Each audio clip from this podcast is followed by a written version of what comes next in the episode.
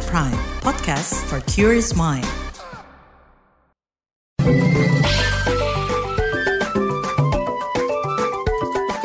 WhatsApp Indonesia. WhatsApp Indonesia kita mulai dari Papua. Fenomena El Nino disebut-sebut berpotensi mempercepat pencairan dan kepunahan salju abadi di puncak Jaya Papua. Kepala Badan Meteorologi, Klimatologi, dan Geofisika BMKG, Dwi Korita Karnawati mengatakan penipisan lapisan es sebesar 1 meter telah terjadi sejak 2010. Sejak saat itu BMKG menggandeng Ohio State University di Amerika menganalisis gletser atau lapisan es di puncak Jaya, Papua.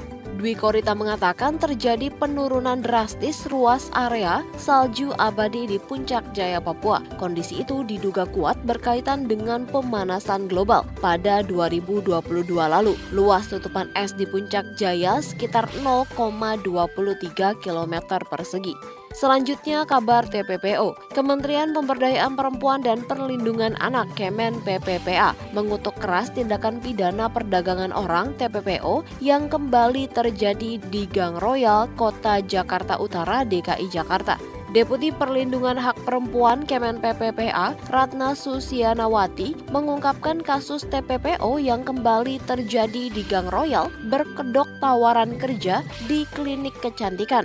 Namun para korban perempuan dipaksa menjadi pekerja seks komersial dan pemandu lagu. Ratna menyebut ada 30 perempuan korban TPPO yang dipaksa menjadi pekerja seks dan pemandu lagu.